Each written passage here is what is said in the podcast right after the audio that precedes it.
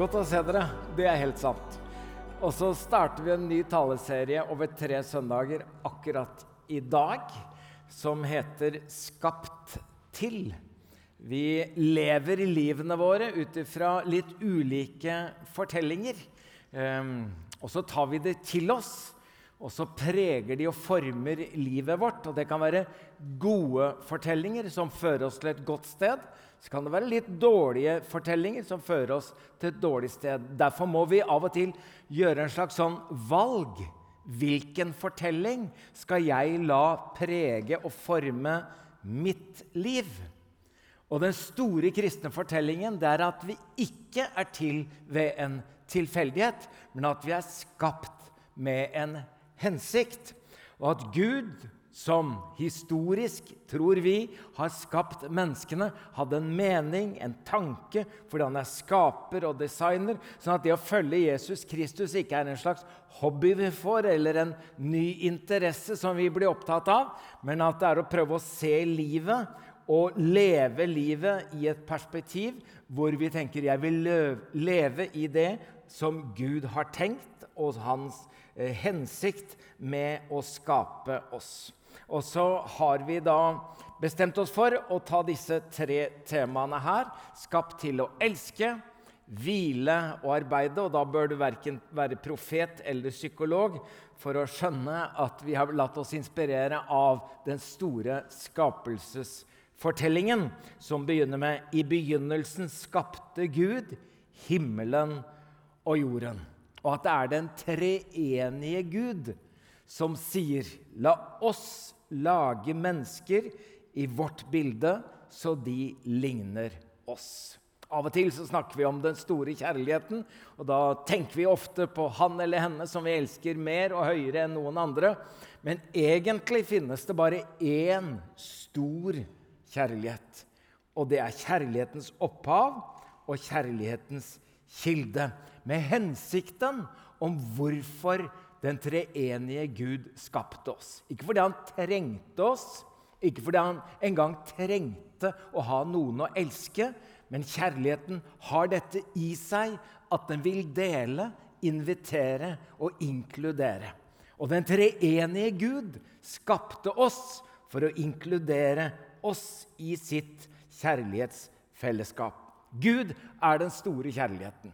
Og Han som blir kalt eh, for eh, kjærlighetens apostel, nemlig Johannes, han skriver Mine kjære, la oss elske hverandre, for kjærligheten er fra Gud. Og hver den som elsker, er født av Gud og kjenner Gud. Den som ikke elsker, har aldri kjent Gud, for Gud er kjærlighet. Og Da begynner vi med det som er del én av denne serien, og det er at vi er skapt til å elske. Vi bærer på ulike drømmer om hva livet skal gi oss. og Veldig mange drømmer om rikdom, og veldig mange drømmer om berømmelse. Og så hører vi altfor ofte at de som både får rikdom og berømmelse i bøtter og spann, så det virkelig holder, kommer til et punkt i livet hvor drømmen ble et mareritt. For det viste seg at livet var tomt og opplevdes meningsløst midt i rikdommen og midt i berømmelsen. Og det spørsmålet bærer jo alle mennesker med seg. Hva er meningen med livet? Fins det en mening med livet? Er det en hensikt med livet? Jeg, jeg, vet ikke hvor mange ganger jeg har sitert denne norske filosofen, men det er vel fordi at jeg syns at vedkommende sa noe så utrolig smart. Meningen med livet, det må være kjærlighet. For bare der det er kjærlighet, er det meningsfylt liv. En gang til. Meningen med livet må være kjærlighet, for bare der det er kjærlighet, er det meningsfylt liv. Og Da må vi selvfølgelig sprenge rammene for kjærestekjærlighet og tenke at da må dette være sant om alle slags kjærlighetsfylte relasjoner. Og at det er det som over tid kommer til å gi meg en opplevelse av at livet har en hensikt, en mening. At jeg har levd et rikt liv. Det er altså ikke rikdommen, ikke berømmelsen, ikke alt jeg har skapt eller fått til, men hvem jeg har elsket, og hvem jeg har latt meg elske av. For det var selve meningen med livet. Og så er det selvfølgelig ikke en norsk filosof som har funnet på dette. Eh, det kommer en lovkyndig til Jesus og spør hva er det som er det største og første budet i loven. Og Jesus sier, 'Du skal elske'. Han kunne ha stansa der, for så vidt. For du er jo skapt til å elske. Han sier, 'Du skal elske Herren din Gud av hele ditt hjerte, av hele din sjel og av all din forstand.' Dette er det største og første budet. Men det andre er like stort. Du skal elske din neste som deg selv. På disse to budene hviler hele loven og profetene. Så hva handler Bibelen om? Hva handler kristen tro om? Hva handler livet om? Om å elske Gud, elske mennesker, andre mennesker, og inkludert deg sjøl. Vi hadde en serie over tre søndager i januar som vi kalte Kjærlighetologi, hvor jeg fokuserte på eros, på filos og på agape. Og agape er det greske ordet for den guddommelige kjærligheten. Den eh, uselviske kjærligheten som er helt uavhengig av ytre omstendigheter, men som elsker under alle forhold. Den kjærligheten agapekjærligheten. Det kan vi aldri begripe fullt ut. Men vi kan bli grepet av den. Vi kan ta imot den, og så kan vi strekke oss etter den. For hva er det vi leste? Gud er kjærlighet. Og det høres for oss Ja, si noe nytt, da. Men for veldig mange religiøse mennesker i verden, i alle slags religioner, så er dette ikke en selvfølge, det den kjærlighetens apostel sier. At Gud er kjærlighet. Og kanskje i vårt land, hvor så mange mennesker har vokst opp med et gudsbilde av en streng, av en dømmende, av en straffende Gud, skal vi glede oss over at det gudsbildet over tid har endret seg til å bli dette Gud må være kjærlighet. Gud er kjærlighet. Men så har vi kanskje gått fra én grøft, og så har vi landa i en annen grøft. Eh, og den grøfta er at vi har snudd det rundt og på huet, sånn at vi ikke lenger kobler det til Gud, men kjærligheten er Gud. Det høres jo helt likt ut, men det er himmelvid forskjell. Hva skjer hvis jeg ikke elsker Gud, men jeg elsker kjærligheten? Hva skjer hvis jeg ikke tilber Gud, men jeg tilber kjærligheten? Hvorfor er det første og største budet at du skal elske Herren din Gud, altså kjærlighetens kilde og opphav, først? Jo, kanskje det er rett og slett at kjærligheten kan bli en avgud. At jeg elsker pengene, så pengene blir mammon, og mammon ødelegger meg. At jeg elsker berømmelsen, og berømmelsen viser seg å bli en forførelse og ikke gi meg et godt liv, men rett og slett ødelegger meg. Så det er å elske. Vi er skapt til å elske. Og så sier Bibelen også veldig klart at vi ikke skal elske. Elsk ikke verden Heller ikke det som er i verden. Den som elsker verden, har ikke kjærligheten til far i seg. For alt som er i verden, kroppens begjær, øynenes begjær, skrytet av alt den eier, det er ikke av far, men av verden. For verden går til grunne med alt sitt begjær, men den som gjør Guds vilje, består til evig tid. Så vi er skapt til å elske men elsk ikke. Det betyr at når vi elsker Gud først, vil den fortellingen føre oss til et godt sted, godt liv for oss selv og for andre. Vi fikk ti bud. Det første av de ti budene er 'du skal ikke ha andre guder enn meg'. Og da tenker du er det, det, det. Du er selvopptatt Gud. Du skal virkelig ha alt, altså. Så jeg har tenkt av og til Hvorfor er det det første bud? Er det for Guds skyld, eller er det egentlig for vår skyld? At selv kjærligheten kan føre meg til feil sted. Så du skal ikke ha andre guder enn meg. Du skal ikke lage deg gudebilder, ingen etterligning av noe som er oppe i himmelen eller nede på jorden eller i vannet under jorden. Du skal ikke tilbe dem og ikke la deg lokke og dyrke dem. Altså, Gud er ikke selvopptatt, for Gud er kjærlighet. Så Gud må være opptatt av oss. Og han vet at vi ikke elsker Gud først, så vil også kjærligheten kunne føre oss til feil sted. Kirkefader Augustin, som levde fra 354 til 430, han blir omtalt som kjærlighetens filosof.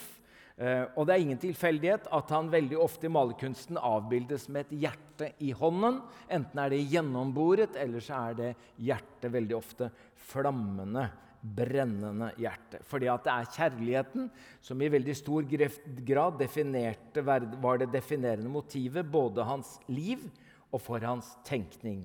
Og det er da eh, Augustin som har sagt det du retter din kjærlighet mot, er de facto det som blir gjenstand for din tilbedelse. Og vi gjør det vi elsker, og vi blir det vi tilber. Så vi må begynne dette med 'skapt til å elske', at det handler om å elske Gud, for han er kjærlighetens kilde og opphav.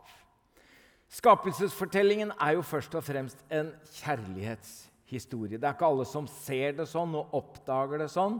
Men jeg tenker at når man leser denne Bibelen i et større og større forståelse, så ser man en rød tråd gjennom hele Bibelen og tenker at dette er Guds kjærlighetshistorie overfor oss mennesker. Eh, og så er det rett og slett sånn at Gud eh, eh, Guds kjærlighet ikke bare er en energi som flyter rundt i rommet, men at Guds kjærlighet er relasjonell. At Gud er en person, og han søker en relasjon. Vi elsker, står det, fordi han har elsket oss først. Det er vakkert. Altså, min kjærlighet er en reaksjon og respons på hans kjærlighet. Eh, og den kjærligheten Gud har overfor oss, den er grenseløs, den er betingelsesløs. Og det vakreste som er skrevet om kjærlighet, det tenker jeg er skrevet i 1. Korinterbrev, kapittel 13, det som blir kalt for kjærlighetens høysang. Og her står det kjærligheten er tålmodig, kjærligheten er velvillig, den misunner ikke, den skryter ikke, det er ikke hovmodig. Kjærligheten krenker ikke, søker ikke sitt eget, er ikke oppfarende og gjemmer ikke på det onde. Den gleder seg ikke over urett, men har sin glede i sannheten. Kjærligheten utholder alt, tror alt, håper alt og tåler alt. Og så kjenner jeg når jeg leser dette Kanskje jeg ikke elsker i det hele tatt? Er dette en beskrivelse av min kjærlighet? Nei. Tenk hvis jeg hadde satt inn mitt navn her, hvor det står 'Egil utholder alt', 'Egil tror alt', 'Egil håper alt', 'Egil tåler alt'. Det gjør jeg jo ikke. Så Det eneste navnet du kan sette inn istedenfor kjærligheten, er Guds navn.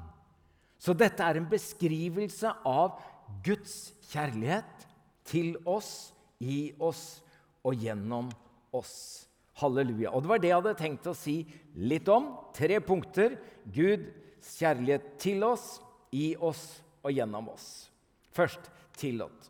Altså eh, Kjærlighet som ikke uttrykkes, den kan ikke mottas. Kjærlighet som ikke uttrykkes, kan ikke mottas.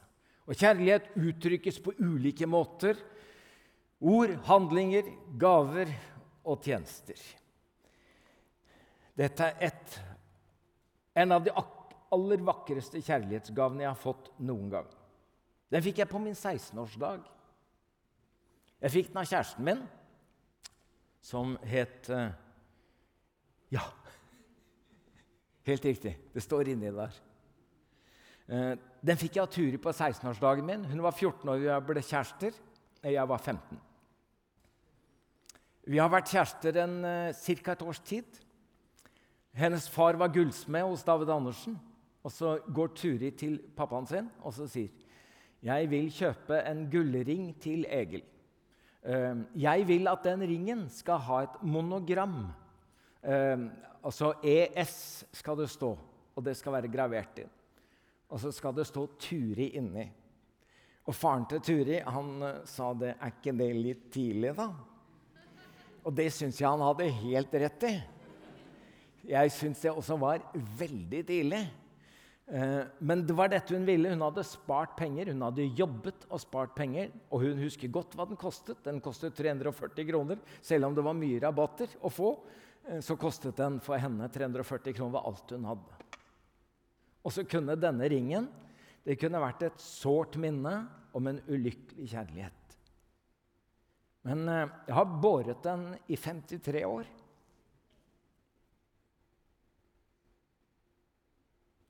Og kanskje det er noe av det aller vakreste av materielle ting som jeg har i livet. Det er som om den blir mer og mer verdt for hvert eneste år. Eh, år etter så, nei, To år etterpå så reiste hun til Hedmarktoppen og begynte å gå på folkehøyskole. Da var før SMS og sånt nå, og mailer og greier, så da måtte jeg sende brev. Og det er klart at Når et brev ser sånn ut på utsida, kan du bare tenke hvordan det er på innsida. Så det er jo liksom forsida jeg kan vise fram, da. Og så er dette bare et bitte lite bilde. Uh, nå er jeg klar over at uh, ikke alle har vært så heldige som meg. At jeg får lov å ha en så langvarig kjærlighet til samme menneske. For vår kjærlighet tåler ikke alt. Vår kjærlighet er ikke alltid tålmodig. Vår kjærlighet har en begrensning. Men Guds kjærlighet, den tåler alt. Den er tålmodig. Den har ingen begrensning. Så hvis du tenker deg gjennom at skaperverket er Guds kjærlighetsgave til deg og meg Vi vender Gud ryggen, faller, og allikevel, etter syndefallet, snur ikke han ryggen til oss men gir oss sin kjærlighetsgave, som koster han alt. Jesus Kristus. Og Jesus gir seg til oss sånn at det mest kjente verset i Bibelen er Kan vi si det litt høyt, sånn at jeg hører at dere er der ute i mørket, folkens? Jeg høre dere? For at han ga sin sønn for at hver som tror på ham, ikke skal fortape, men ha evig Amen. Amen. Gud elsker verden. Kjærlighet som ikke uttrykkes, kan ikke tas imot. Og Gud elsker ikke bare noen, Gud elsker alle. Og i verden elsker han hver enkelt. Ikke bare så han sa, men så han ga. Og hva ga Gud? Han ga seg selv. Den treenige Gud gjennom Jesus Kristus gir seg til verden, uavhengig av hvem vi er, om vi snur Gud ryggen, om vi trosser Guds bud, om vi elsker mørket høyere enn lyset, så gir kjærligheten seg selv til oss. Gud har gitt oss. Det er Guds kjærlighetsgave. Det er Guds kjærlighetserklæring. Og Jesus sier ingen har større kjærlighet enn den som gir livet for vennene sine. Det er fantastisk folkens, at evangeliet gjør det med oss, at vi kan få lov å tenke innenfor Gud. Han finner meg elskverdig. Og så er det sånn at jeg møter alle slags mennesker. Og da gjør det også sånn med meg at Gud finner det mennesket elskverdig. For så høyt har Gud elsket verden. Ikke når vi hadde kommet på bedre tanker, ikke når vi hadde omvendt oss, ikke når vi hadde forbedret oss. Mens vi ennå var svake, døde Kristus for ugudelige da tiden var inne. Selv for et rettskaffent menneske ville vel neppe noen gå i døden. Eller kanskje ville noen gjøre det for en som er god. Men Gud, viser sin kjærlighet til oss ved at Kristus døde for oss mens vi ennå var syndere. Det er Guds kjærlighetsgave. Det er Guds kjærlighetserklæring. Det er Guds kjærlighetsbrev. Og han vil at vi skal være budbærere i verden for å fortelle hvert eneste menneske Gud elsker deg. Gud finner deg elskverdig. Halleluja. Eh, vi har 13 barnebarn. Eh, en av de er 11 år.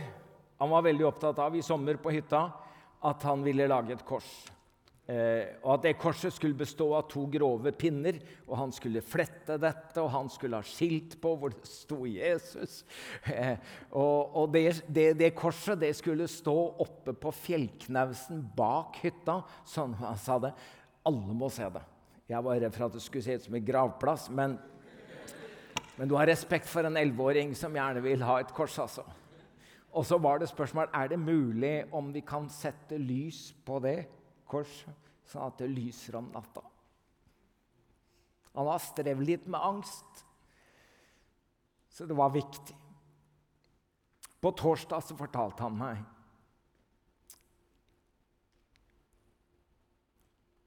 Jeg var oppe der i pøsregnet. Og så sa jeg til Gud, kan du gi meg et tegn? Og så forteller han på torsdag jeg fikk ikke noe respons, så jeg begynte å gå nedover igjen. Men på veien ned hørte jeg en stemme.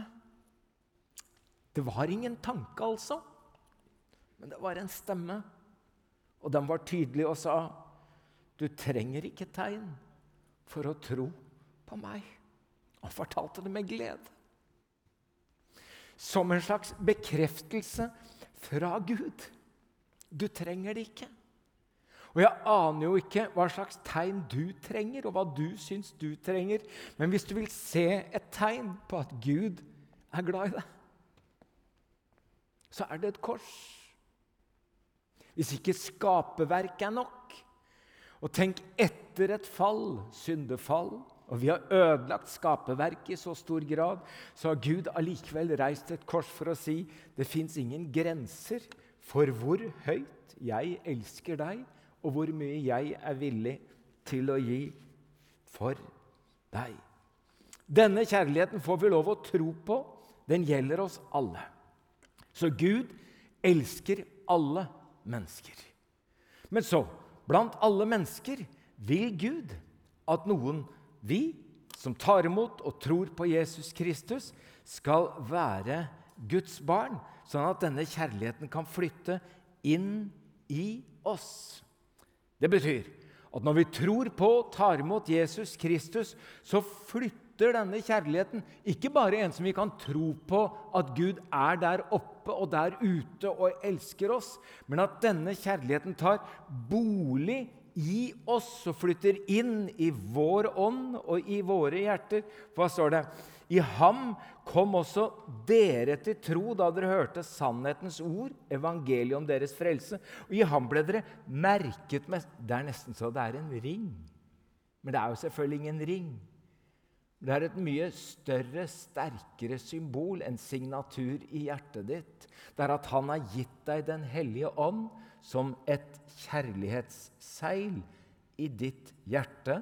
Den hellige ånd som var lovet oss. Det betyr at helt uavhengig av om du er blitt kristen over et halvt år, eller om du har skjedd i et øyeblikk, om du har følt en endring eller ikke følt en endring, så er dette sant.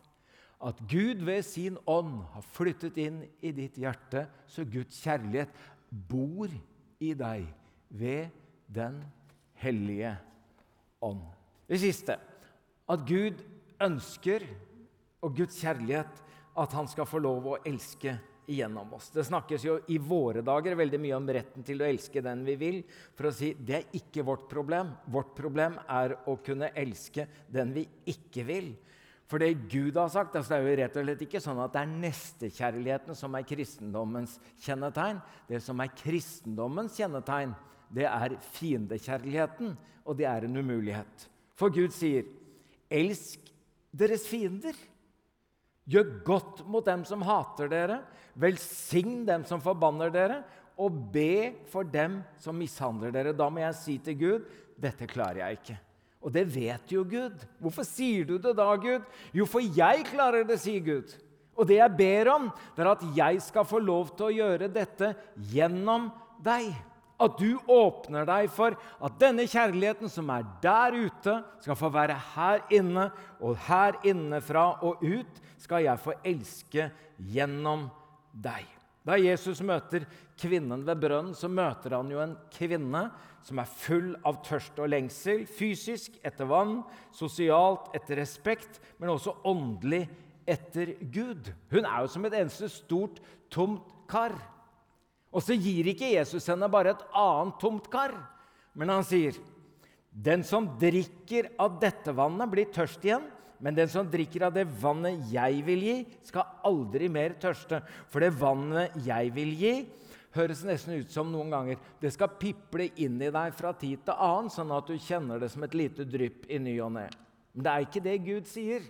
Han sier det skal bli i deg en kilde som veller fram og gir evig liv. Det er som om Guds liv skal gå igjennom deg og ut til andre. Hun var sikkert full av frykt og full av forakt for folka i Sykar. Det er mye som tyder på det. Men nå lar hun krukken stå, og så løper hun inn i byen og så sier dere må komme og se! Dere må komme Og se. Og så er det som om Guds rennende kjærlighet allerede flyter igjennom henne. Jesus fikk kropp. Det betyr at Gud fikk hud, sånn at vi kunne se hvordan Guds kjærlighet er uttrykt på menneskevis. I ord, i handling, i holdning, i gjerning. Vi ser Guds kjærlighet demonstrert gjennom Jesus Kristus. Johannes sier ordet fikk kjød, eller ordet ble menneske, og vi så hans herlighet. Og så er det sånn at i dag har Kristus kropp gjennom deg og meg, som er kirka i verden. Med hjerte som banker, øye som ser, hender som handler og føtter som går. Og Jeg ser for meg dette enkle bildet. At åndens frukt, kjærlighet, fred, glede, tålmodighet, overbærenhet, vennlighet, det er hjertet, det er karakteren, det er holdningen i deg og meg og i kirka skal vi på den ene siden gjøre gode gjerninger og vise at vi har omsorg for hele mennesket, gi mat til den sultne, gi klær til den nakne og gi omsorg til mennesker gjennom diakoni. Så er det ikke sånn at alltid våre ressurser strekker til. Da får vi også åndens gaver.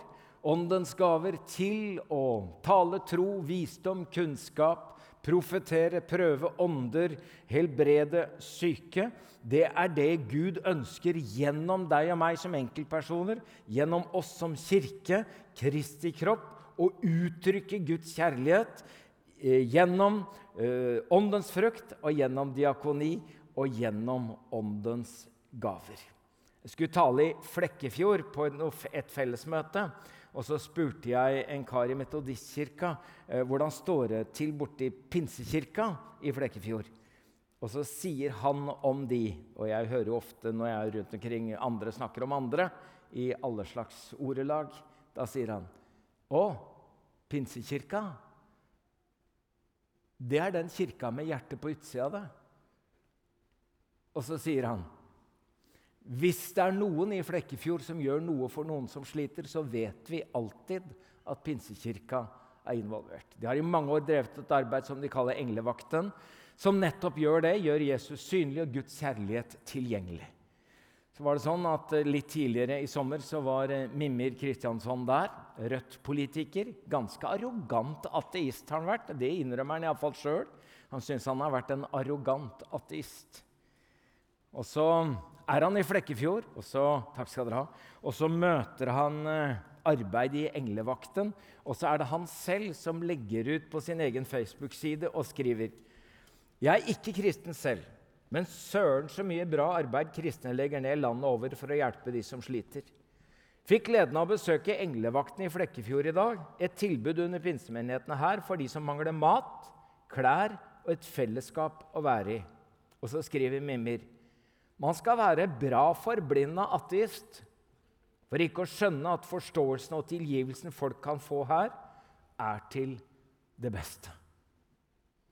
Menighet med hjertet på utsida, det skulle jeg veldig gjerne ønske at noen sa om oss, om Filadelfia-kirka. At vi hadde hjertet av Guds kjærlighet, uttrykt i diakoni og bruk av åndens gaver for å hjelpe folks problemer. Her. La oss ha om... Vi leser sammen, folkens. La oss ha Litt, litt, litt. La oss ha omtanke for hverandre, så vi Vi skal si det en gang til. Og dette er det å være på gudstjeneste sammen. Det er nesten som peptalk. Hva er det dere driver med? Jo, vi har omtanke for hverandre, og så oppgløder vi hverandre. Til hva da? Til kjærlighet og gode gjerninger. Herre, jeg takker deg for at du elsker oss. Takk at den kjærligheten bor ved Den hellige ånd i oss. Og så ber jeg om at den ikke forblir der, men at vi skulle få dele din kjærlighet med mennesker også i denne byen som lengter etter deg og trenger det. Du har nå hørt en podkast fra Filadelfia-kirken i Oslo. Vil du vite mer om oss, gå inn på filadelfia.no. Og ikke minst velkommen til å feire gudstjenester med oss hver eneste søndag, enten fysisk eller online.